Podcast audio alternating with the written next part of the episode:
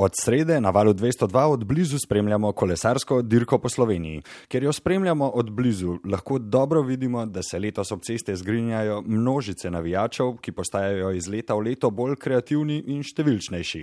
A na kolesarskih dirkah lahko zaradi navijačev pride tudi do nevšečnosti.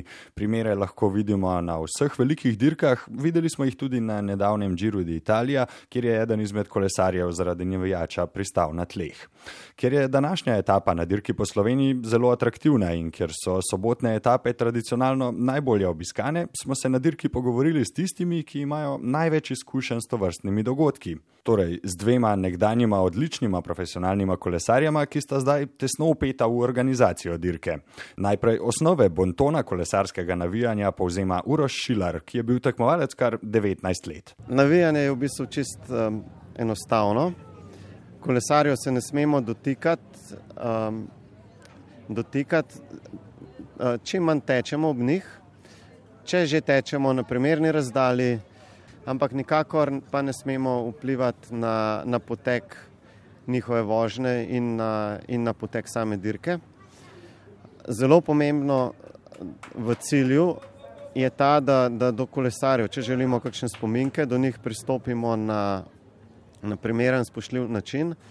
Nikakor jim stvari ne vlečemo iz rok ali iz koles, am, ker, ker moramo vedeti, da, da v cilju so običajno utrujeni, bolj razdražljivi kot običajno in ob, ob primerni komunikaciji običajno um, ostrežejo navijačem, tako da, da, da se moramo do njih obnašati spoštljivo in To je praktično vse. Še en nekdani tekmovalec, Jure Zrimšek, ki je mimo grede dosegel tudi etapno zmago na dirki po Sloveniji leta 2003, je še kot tekmovalec, pozneje pa kot trener in organizator dirk videl veliko cest in veliko navijačev. Dobro ve, kako se ob stiku z navijači sredi dirke počutijo kolesarji. Jure Zrimšek, ogromno dirk ste prevozili. Kateri so tisti prizori, ki ste se jih najbolj razveselili v cestah in kateri so bili tisti, zaradi katerih ste bili jezni, ste se morda počutili počutili ogroženo ali samo slabe volje? Zdaj, tako, ne, eh, sigurno, da si najbolj navdušen, v, pač, ko greš uh, vsak športnik čez svoj kraj, še posebej kolesari, ne, pač, uh, so ljudje ob cesti, potem navdušen si nad tem, če pride skupina ljudi pač na neko vel, večje tekmovanje, navijati za tebe, so ob cesti. To sigurno ti da neko večjo moč, spodbudo in uh, nasploh. Uh, ti je potem lažje. Ne? To smo tudi videli, če pogledamo Primoža o progi letos, ki je imel polno navijačev, da je res grizel do konca, kljub pacu in vsem, pač, ker ga je uh, morilo, ne? potem naslednji dni po tistem pacu, tako da to je sigurno nekaj najlepšega, no? da ti pač ob cesti pomagajo. Je pa res, da nekateri grejo čez meje in uh, kolesarstvo je šport, ki pač nima nekih uh, varoval in tega, ljudje so na cesti, to večkrat naredi kakšne probleme, ker pač ljudje grejo malo predalec s tem uh, porivanjem in vsem, tako da to je sigurno psihološko je za kolesarje to zelo naporno, ker uh, če te nekdo porine ali da se te dotakne, ti sigurno pač te zmoti v ritmu in uh, to te zelo moti. No. Katerih načel se morajo potem ljudje, ki pridejo ob ceste, držati? Taka splošna načela, če se jih držimo, recimo, da bo za vse dirka lepa, torej za kolesarje in za gledalce. Ja, ne, sigurno je naj, najbolj nevarno, je, ko gledalci tečejo ob kolesarjih, ne, ker to smo tudi letos videli, ne, ker se spotakne en ob drugega in pade direkt pod kolesarja in uh, potem sledi padec. Ne. To se je letos tudi zgodilo na Džiru. Mislim, da morajo ljudje malo bolj razmišljati, kako se počuti kolesar pred 200 pulza in da ti njemu tečeš uh, pač, uh, ob njemu in uh, uh, je to res ne, zelo nevarno. No. Kaj pa na tistih mestih, kjer se nabere zelo velika množica ljudi, torej eh, na tistih oskih cestah, pa recimo eh, proti vrhu kakšnih usponov, kaj, kako je treba tam postaviti koridor oziroma kako daleč od kolesarjev se morajo držati ljudje? Ja, sej to vidimo, da avtomobili in motoristi se vozijo zelo blizu kolesarjem, zaradi tega, da pač se ljudje umikajo, ne? ker ljudje vsi gledajo, vsi rinejo na sredino in potem se umikajo. Plus to, da zdaj je največja težava s temi mobilnimi telefoni, vsi hočejo snemati, namesto da bi gledali derko, oni snemajo. Ne? In to je bolj, da bi doma po televiziji gledal, ne, če me vprašaš. Ne, ne pa, da pač gledaš v živo, navijaš, ne pa, da pač z mobitelom snemaš. Ampak žal, v današnjem času je mobitel najbolj pomembna stvar, tako da je to zelo nevarno. No. Še posebej v teh najvišjih točkah, ki se zbere zmeraj polno ljudi, oska cesta, ampak žal ne moramo pomagati. No. To je, tako je. Kako sicer izbrati najboljše mesto za ogled dirke in če smo še bolj konkretni, eh, katero je po vašem najboljše mesto za ogled sobotne etape? Ja, sigurno, da na vrhu spona bo zelo zanimivo. Ne? E, tako da je pa res, da je v cilju zmeraj najbolj zanimivo, še posebej zdaj, ko so pač prenosi, ki je uh, jumbo ekran, tako da je tam najbolj zanimivo, ker zraven lahko gledaš še derko. Ob cestah mnogokrat opazimo tudi navijače, ki so si dirko prišli ogledati s kolesom. To so običajno tisti, ki se z rekreativnim kolesarstvom ukvarjajo pogosto in ga jemljajo resno. Veliko je tudi kolesarskih skupin, ki se na ogled pripeljajo v večjem številu in tudi take vožnje se morajo lotiti na pravi način. Vožnja v skupinah je lahko tako za kolesarje kot za druge udeležence v prometu tudi stresna situacija, sploh če se eni ali drugi ne držijo pravil.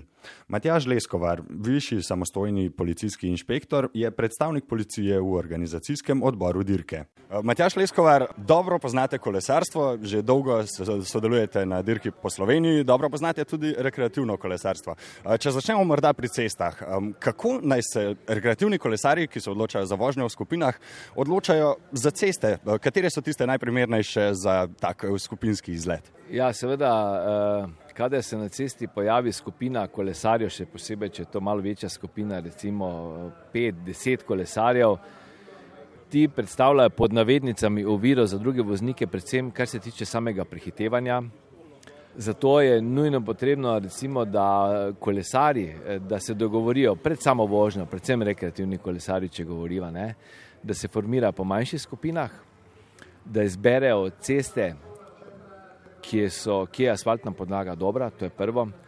Uh, kot sami veste, vožnja v skupini zahteva veliko več pozornosti, pazljivosti, obveščanja med kolesarji samimi zaradi pacov in pa seveda takšne ceste, ki niso uh, prometne. Če pa se zbere cesto, kjer je recimo kolesarska steza, kolesarska pot in vožnja kolesarjev po cesti ni prepovedana, pač morajo potem uporabljati tudi te površine. Eh, zato naj bo izbira mogoče teh kolesarskih poti, glede na sam uh, način kolesarjenja, temu primerna. Za rekreativnega kolesarja, družinsko kolesarjenje, tam težav ni, pri rekel, teh malo bolj resnih rekreativcih, tam se pa seveda pojavljajo tudi više hitrosti, uh, vožnja rekel, v skupini, ne, to kot sem že povedal, in to pa zahteva neka določena pravila, poznavanje teh pravil, obveščanje kolesarjev med sabo in pa seveda dobra priprava na samo turo. No, pa če smo že ravno pri pravilih, eh, kako naj se kolesari postavijo na cesti, kakšna so pravila za vožnjo v skupinah, seveda pri neprofesionalnih kolesarjih? Zdaj tu zakon, seveda, eh, obravnava dve skupini. Eno so kolesari, ki so na treningu. Eh, kolesari, ki so na treningu in imajo kolesarsko licenco, tam je dovoljena vožnja po dva sporedno, seveda z spremljevalnim vozilom, ki ima rumene luči. Tam je tudi obvezna uporaba kolesarske čelade in seveda mora biti najmanj štiri kolesari. E, če pa kolesari nimajo licence, se morajo pa seveda ravnati v skladu z predpisi, to pomeni eden za drugim na primerni varnostni razdalji in uporabljati tiste površine, kjer je pač dovoljena vožnja s kolesom. Se pravi, vožnja v štric nikakor ni dovoljena um, po pravilih po zakonu. Ampak mnogi kolesarji zagovarjajo prav to, da bi morda prav vožnja v štric um, izboljšala njihovo varnost. Kaj vi menite o tem? Seveda, to je stvar rekel, debate, pa rekel, malo eh, bolj resnega eh, obravnavanja tega predloga. Težko zdaj rečem, ali eh, je bolj ali ne. Seveda, če kolesari vozijo posamično, drug za drugim, prihaja do tesnih prehitevanj, prihaja do prehitevanj, ko jim nasproti pripelje drug voznik in se seveda ta voznik umika v kolesarje. Ampak zavedati se pa moramo, ne, če kolesari ne bomo disciplinirani na cesti, bo v bistvu uh, črna pika na kolesarjih. Že tako je premalo strpnosti voznikov do kolesarjev. Ob takšnih manevrih kolesarjev, ne, da se pa ne, vem, ne upoštevajo predpisov, vozijo se v velikih skupinah, ki jih je ne mogoče prehiteti. Seveda meče slabo luč tudi na kolesarje. Ne. Žal je pri nam prometna kultura še vedno takšna, da mnogo keri ne odpušča, tudi če kdo prekršek stori, ne odpušča te prekrškov, trobijo, ne vem, se ustavljajo, prihajajo tudi v fizičnih obračunavanj, tega si sploh ne želimo. Želimo si seveda iti eh, nasproti kolesarjem, da bo kolesarjenje varno, da bojo kolesari uživali v tem, absolutno pa ne v to, da bi predpisovali nekaj, kar ne bi bilo, rekel, prid kolesarstvu, v prid varnosti kolesarjev na cesti. Kaj pa drugi udeleženci v prometu, predvsem vozniki avtomobilov, kako se morajo ravnati, ko srečajo skupino kolesarjev, na kakšen način jih najvarneje obidejo? Tako v tujini je do znano, ne, da naj bi se kolesari prehitevali najmanj meter pa pol bočne razdalje, da je to varno prehitevanje. To pa za voznika pomeni že, da je zapeljal na pas sproti vozeče vozila. To pomeni, mora biti ta pas prost v dolžini, ki je potrebna, da se varno prehiti. Nikakor uh, se ne sme zgoditi, da se prehiteva kolesarje v ovinku, pred ovinkom, pred vrhom klanca.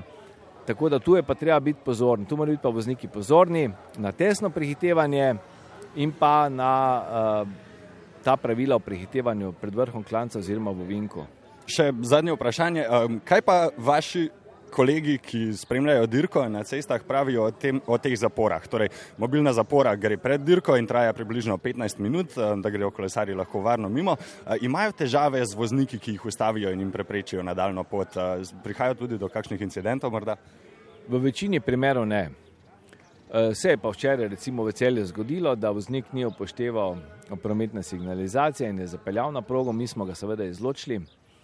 Uh, se dogaja, redko sicer, ampak se dogaja, v večini primerov pa vozniki spoštujejo navodila in so se nekako tudi že sprijaznili. To pomeni, uh, dirka ali pa te kolesarske preditve so že tako blizu, tako množične, tako pogoste, da se marsikdo pač sprijazno s tem, kar je seveda tudi najbolje. Ne? Škoda se je zid, pač tako je, treba je počakati tistih par minut in to je to. Naj pridejo navijati, rečko pa, da se hodujejo.